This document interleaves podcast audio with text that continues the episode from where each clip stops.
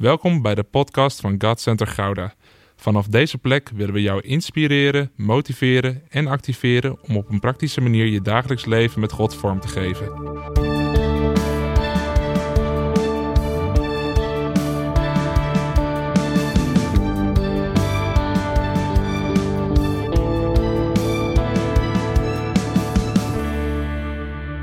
Hey, wat tof dat je weer luistert naar deze podcast. Ik zie er naar uit om weer in je te investeren door samen te kijken naar wat de Bijbel ons leert. En dat doen we juist op een praktische manier om te helpen in je praktisch leven met God, ook vandaag de dag. Jij bent belangrijk, jij maakt een verschil en daarom willen we investeren in jou.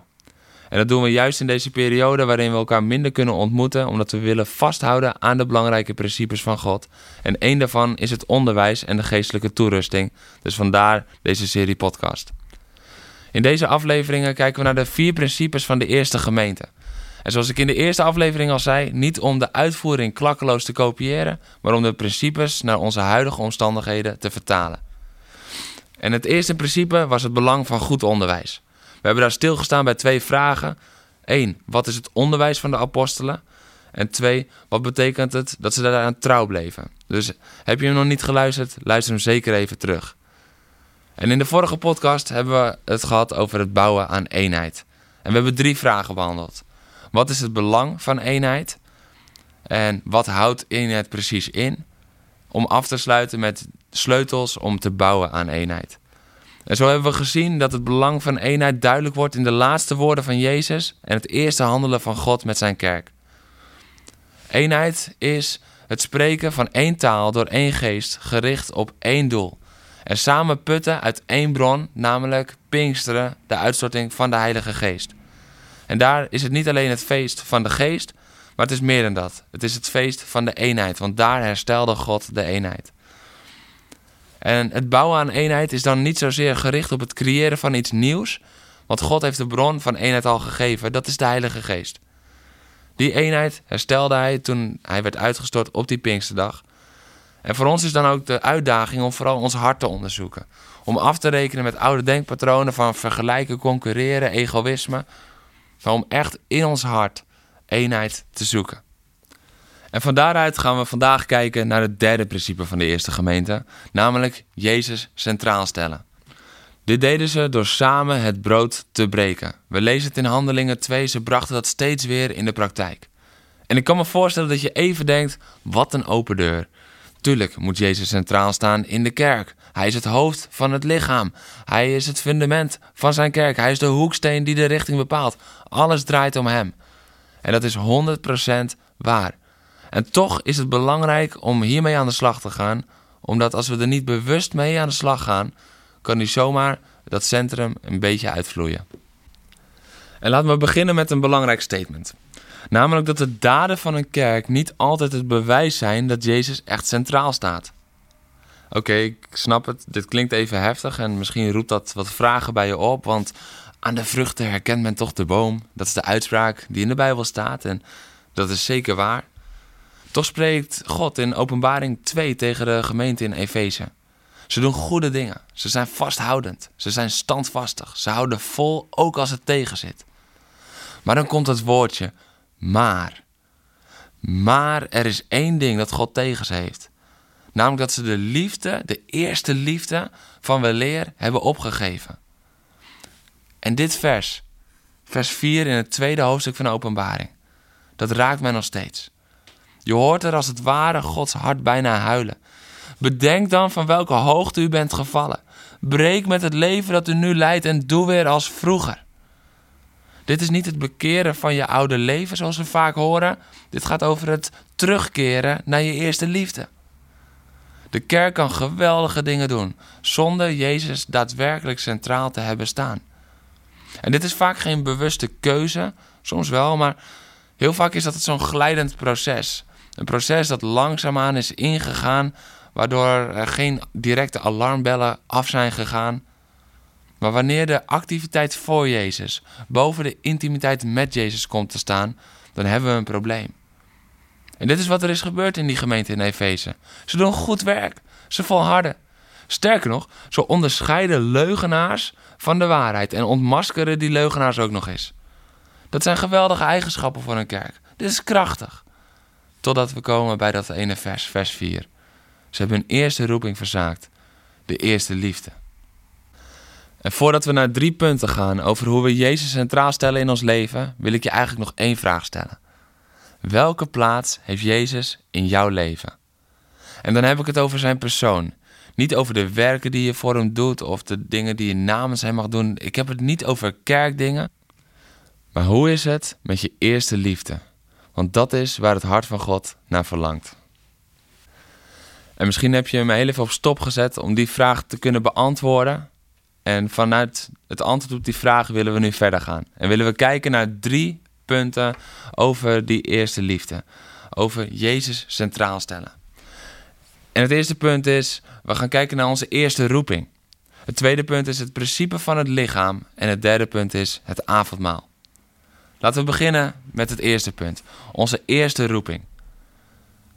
En dat woordje roeping, dat heeft in de kerk zo'n zwaar gewicht gekregen. Want onze roeping is heel belangrijk en dat laat zien welk design God in ons heeft gelegd en welk plan Hij voor ons leven heeft. Het is Zijn bestemming voor ons leven en daarom is het belangrijk om ons daarnaar uit te strekken. En toch heeft die focus op onze persoonlijke roeping vaak ook voor een bepaalde onbalans gezorgd. En die onbalans is onderdeel van een verschuiving in focus die we zien eigenlijk wereldbreed. Namelijk dat we steeds individualistischer worden, ook in ons denken. En we zijn soms zo bezig met onze persoonlijke roeping dat het belangrijker wordt in ons leven dan het vormen van een eenheid waar we het vorige keer over hebben gehad. En er is nog een schadelijk gevolg dat we zo gericht zijn op die roeping, namelijk dat we onze eerste roeping soms uit het oog verliezen. En die eerste roeping is dat we intiem zijn met God, dat we Jezus centraal stellen. 1 Korinthe 1, vers 9 leert ons God, door wie u geroepen bent om één te zijn met zijn Zoon Jezus Christus, onze Heer, is trouw. Dit is onze eerste roeping. Onze eerste roeping voor iedereen gelijk, voor alle kinderen van God, één zijn met Jezus. Gericht zijn op Jezus. En niet alleen in woorden over Jezus, maar in intimiteit met Jezus. Dat is de eerste roeping die voor ieder kind van God geldt. Want allereerst worden we door de genade van het kruis aangenomen als kinderen van God. Vanuit die zekerheid worden we volgelingen van Jezus. Maar laten we onze daden en ons volgen dan niet boven die eenheid met Jezus stellen. Want wat maken mooie daden nog uit als het niet vanuit een diepe passie en liefde voor Jezus komt? Want wat maakt ons handelen nog uit als ons hart er niet aan verbonden is? 1 Korinthe 13 is het hoofdstuk van de liefde in de Bijbel. Paulus schrijft hierin over hoe de liefde is, maar dat niet alleen. Hij beschrijft ook hoe prachtig ons handelen kan zijn, maar hoe het afsteekt als liefde niet de drijfveer is. Als sprak ik alle talen van de mensen en van de engelen, had ik de liefde niet, hij schrijft, zou ik zijn als een dreunende gong of een schelle cymbaal. Al had ik de gave van profeteren en doorgrondde ik alle geheimen, alle kennis had ik en het geloof had ik dat bergen kon verzetten. Had ik die liefde niet, ik zou niet zijn. Al verkocht ik al mijn bezittingen om voedsel aan de armen te geven, gaf ik mijn lichaam prijs, had ik de liefde niet, het zou me niets baten. Onze eerste roeping is om één te zijn met Jezus. Hem centraal te stellen in ons leven. En vanuit liefde te leven met Hem en voor Hem. Niet alleen bij alles wat we doen, maar in alles wie we zijn. Want als zouden we Hem ons leven lang dienen met onze handen, maar we hadden niet die diepe liefde in ons hart, het zou niets betekenen, zoals 1 Korinthe 13 ons leert. En waarschijnlijk ben je ook wel eens verliefd geweest. Dat je helemaal hoog op de boter was en dat je alles zou doen voor die ander. Je doet alles voor diegene, voor hem of voor haar. Je bent helemaal weg van diegene en wat het je ook kost, je bent bereid om het voor de ander te doen. Dat is eerste liefde. Die liefde, die liefde heeft God elke dag voor jou. En die liefde voor jou bracht Jezus naar het kruis. Die liefde voor jou hield Jezus aan het kruis. En ik daag je uit om deze dagen een moment te nemen en te kijken in je hart. Is dit nog die eerste liefde die in mij leeft, voor Jezus?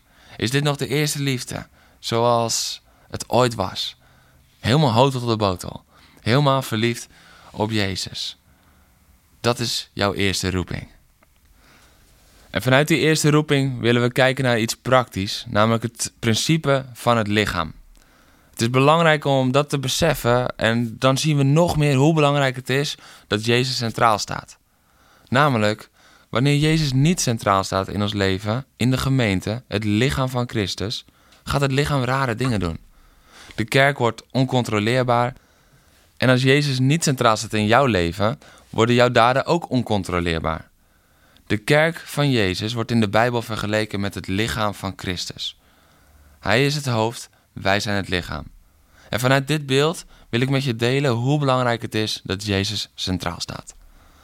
Als Jezus namelijk niet centraal staat, dan kan je het vergelijken met een lichaam dat last heeft van spasticiteit. De voornaamste kenmerken van spasticiteit zijn stijfheid, verminderde kracht en spasme. Dat zijn plotse, onaangename en zelfs pijnlijke en niet gecontroleerde spiersamentrekkingen. En dit zijn de kenmerken van een kerk waar Jezus niet langer centraal staat. Het wordt stijf. Het heeft weerstand tegen bewegen. Waarom? Omdat de kerk niet meer is gericht op Jezus, maar vaak op het eigen comfort. De kracht van de kerk neemt af. Want waar we de geest beperken, omdat we niet meer uitzien naar het hart van Jezus, maar naar onze eigen behoeften, daar verliezen we kracht. En er vinden spasmen plaats. Die onaangename, plotselinge, ongecontroleerde bewegingen. Omdat het gebeurt vanuit het lichaam en niet vanuit de aansturing van het hoofd. En laten we nu even kijken niet naar de kenmerken, maar naar de oorzaak van spasticiteit. Want spasticiteit wordt veroorzaakt door schade of letsel aan een gedeelte van het centrale zenuwstelsel, dat zijn de hersenen of het ruggenmerg, dat de willekeurige bewegingen aanstuurt. Deze beschadiging onderbreekt de belangrijke signalen die tussen het zenuwstelsel en de spieren worden uitgewisseld. Daardoor ontstaat er een onbalans die leidt tot overmatige spieractiviteit of spasmes. En waar iemand in het natuurlijke lichaam hier natuurlijk niks aan kan doen, omdat er een beschadiging is opgetreden, is het geestelijk gezien een ontzettend diepe les. Wanneer het lichaam zich niet laat aansturen door het hoofd, wordt het lichaam stijf, krachteloos of ongecontroleerd. En daarom is het centraal stellen van Jezus van continu belang. Het wordt ook niet voor niet het centrale zenuwstelsel genoemd. En vanuit het hoofd wordt het doorgegeven aan de spieren, zodat de spieren gaan functioneren naar hoe het hoofd het heeft gezegd. En omdat wij niet in staat zijn om onszelf aan te sturen, hebben we daar het hoofd voor nodig. En zo is het ook in de kerk. Zo is het ook in jou en mijn leven. Wij zijn de kerk. Wij hebben het hoofd nodig om ons aan te sturen, zodat we wel vol kracht blijven, flexibel en gecontroleerd. En dat is natuurlijk een mooie boodschap als het gaat over de kerk, maar ik wil hem ook even persoonlijk maken. Ik wil je vandaag aan jou vragen. Ben je steeds weer afgestemd op Jezus in je leven? Is Hij in alles het hoofd en daardoor degene die jou aanstuurt en sturing geeft? En luister je naar Hem? Zoals het hoofd een gezond lichaam aanstuurt.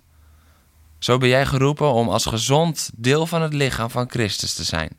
En dit betekent dat Jezus altijd centraal staat in je leven om te voorkomen dat je stijf, krachteloos of oncontroleerbaar wordt. Ik moedig je aan om daarin je hart te onderzoeken. Niet om jezelf te veroordelen als je erachter komt dat Jezus nog niet altijd centraal staat, maar om de keuze te maken om dan vandaag, vanaf nu, op dit moment, Hem opnieuw centraal te stellen. Oké, we hebben gekeken naar onze eerste roeping, naar het lichaam van Christus. En dan is het nu tijd voor het derde punt, het avondmaal. En misschien vraag je je dan even af waarom het avondmaal in deze aflevering. Maar eigenlijk is het heel simpel. Omdat de gemeente in handelingen dit in de praktijk bracht. Zij hielden Jezus steeds weer centraal door het brood met elkaar te breken, het avondmaal te vieren. Dit is wat we lezen als een van de vier principes in Handelingen 2, vers 42. Jezus droeg de leerlingen tijdens het laatste avondmaal op om dit steeds weer te doen, om Hem te gedenken, om aan Hem te blijven denken. En hier spreken twee prachtige lessen uit. De eerste is, Jezus wil niet dat je bij het kruis blijft zitten, maar vanuit het kruis gaat leven. Blijf niet alleen bij het middel zitten, maar ga vanuit het middel leven in het doel. Dit is eigenlijk wat Jezus hier zegt. Jezus ging niet aan het kruis, zodat je alleen bij het kruis kon blijven stilstaan. Hij heeft het offer gebracht, zodat we vanuit dat offer in relatie met de Vader kunnen leven. En dat leven, dat ziet eruit als het evangelie brengen bij mensen, discipelen maken, in vrijheid leven, genieten van wat Hij geeft, krachtig wandelen in wat Hij in ons heeft gelegd. Dat is de reden dat Jezus wil dat we met het avondmaal steeds terugdenken aan zijn offer, omdat Hij verlangt dat we niet bij dat offer blijven hangen. En dat brengt me ook gelijk bij het tweede wat we hieruit leren. En dat is namelijk een tegenhanger die tegelijkertijd aanvult. Let op. Zonder besef van het offer leven we niet op een gezonde manier. Dus Jezus roept ons op om niet bij het offer te blijven hangen, maar het wel te blijven beseffen, wel eraan terug te blijven denken. En er is een reden dat Jezus dat wil, dat we regelmatig terugdenken aan het kruis. Omdat aan de ene kant wil hij dat we vanuit het wonder van het kruis leven en er niet blijven zitten, maar tegelijkertijd weet Jezus dat we het kruis nooit uit het oog mogen verliezen, omdat we dan zullen denken dat we zelf in staat zijn om ons leven vorm te geven. En dan lijken we misschien wel weer op dat lichaam dat zichzelf gaat aansturen. Het avondmaal vieren zorgt elke keer weer dat we de bron van onze genade, onze kracht, onze liefde blijven erkennen. Dat is Jezus Christus en niemand anders. En daarom wil ik je ook uitdagen vandaag. Ik wil je uitdagen om deze bewustwording mee te nemen. De volgende keer dat je het avondmaal viert, misschien in je kerk, misschien dat je na deze podcast wel het gevoel hebt: ik wil dit gewoon even thuis doen, ik wil intimiteit met Jezus. Ik moedig je aan om die tijd te nemen. Richt je op Hem. Geef je tijd en aandacht aan Hem. Denk terug aan wat Hij deed voor jou aan het kruis. Hij is de bron van jouw genade, kracht, liefde en leven. En dat was alweer het derde principe. Het derde principe van die krachtige gemeente in handelingen. Met een duidelijke opdracht aan de kerk, aan jou en aan mij. We hebben gezien hoe Gods hart spreekt wanneer we onze eerste liefde verliezen. Hoe Gods hart het dan uitschreeuwt. Keer terug. God is onze Vader en Hij verlangt naar onze liefde. Omdat we kunnen liefhebben omdat Hij ons heeft liefgehad. En in dit principe hebben we gekeken naar drie punten. 1. Onze eerste roeping. We zijn allereerst geroepen om één te zijn met Jezus. Die roeping staat boven elke persoonlijke roeping of specifiek plan van God voor jouw leven. Het tweede is het principe van het lichaam. Als het lichaam wordt bestuurd door het hoofd, Jezus zelf, blijft het gezond. Maar als het hoofd niet langer centraal staat, zal het lichaam stijf, krachteloos en oncontroleerbaar worden. En het derde punt is het avondmaal. Jezus draagt ons op om steeds weer aan Hem te denken bij het vieren van het avondmaal. De eerste gemeente pakte dit en brak steeds weer het brood met elkaar. Niet om stil te blijven staan bij het kruis, maar ze leefden vanuit het kruis en keken terug naar wat Jezus deed aan het kruis. En daarmee keken ze terug op de bron, Jezus, de bron van hun genade, kracht, liefde en leven. En deze drie punten liggen verborgen in dit onmisbare principe van die eerste gemeente: zet Jezus centraal. Laten we dat ook vooral met elkaar blijven doen. En steeds weer erop blijven toezien dat we Jezus centraal houden. Dat het werken voor Jezus nooit komt te staan boven het zijn met Jezus. Dat de activiteiten die we organiseren nooit belangrijker worden dan degene om wie die activiteit draait. Dat het lichaam nooit op eigen kracht gaat opereren zonder de aansturing van het hoofd. Het is ontzettend belangrijk om dit derde principe vast te houden met elkaar. Ik hoop dat je bent geïnspireerd, dat je hebt genoten en dat je ook weer bent getriggerd. Om misschien weer even scherp te stellen in je eigen leven. Staat Jezus nog centraal in elk verzet van mijn leven? Ik kijk er naar uit om volgende keer weer met je verder te gaan. En dan gaan we het hebben over het toewijden aan gebed. Een van de andere principes van die eerste gemeente. Het laatste principe dat we zullen behandelen in deze serie podcast. Toewijden aan gebed. Tot de volgende keer.